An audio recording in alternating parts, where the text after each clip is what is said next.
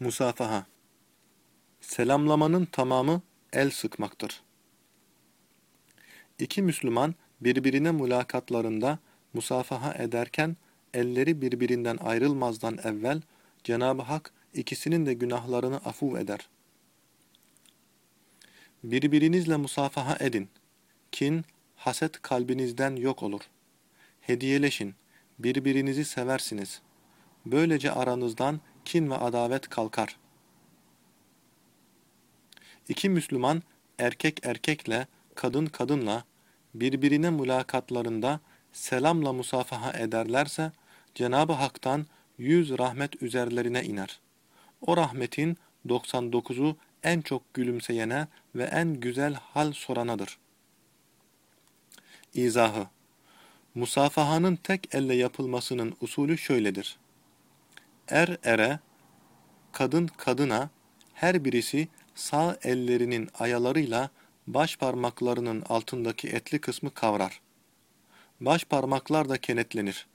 Samimiyetle el sıkışırlar. İki elle musafaha yapılırsa şöyledir. Sağ ellerin ayaları birbirine yapıştırılır. Ve baş parmaklar da kenetlenir. Diğer dört parmak bileğe doğru uzatılır. Her iki musafahada da dua ve istiğfar yapılır. Tokalaşınız, kalplerinizden kin ve adavet yok olsun. Malindeki hadisi şerif her iki musafahayı kuşatmıştır.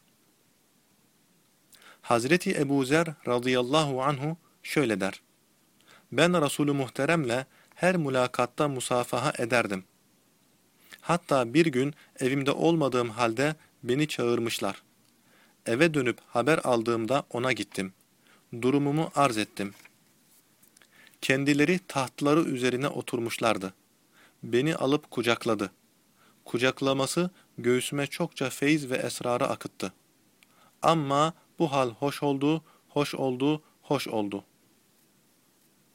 İzahı Çokça samimi dostların selamdan sonra kucaklaşmaları sevgiyi azaltır.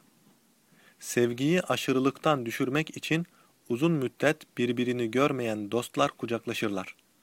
Bir de bu hadisi şerifte büyüğün kalbinin küçüğün kalbi hizasına gelişinde büyüğün kalbinden feyzin küçüğün kalbine akması ifade edilmiştir. Büyüğün eli öpüldüğü gibi küçüğün de alnı öpülür.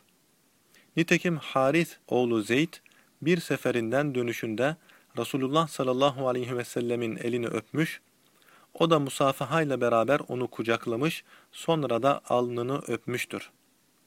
Ancak eğilme Resulullah sallallahu aleyhi ve sellem ve ashabından görülmemiştir.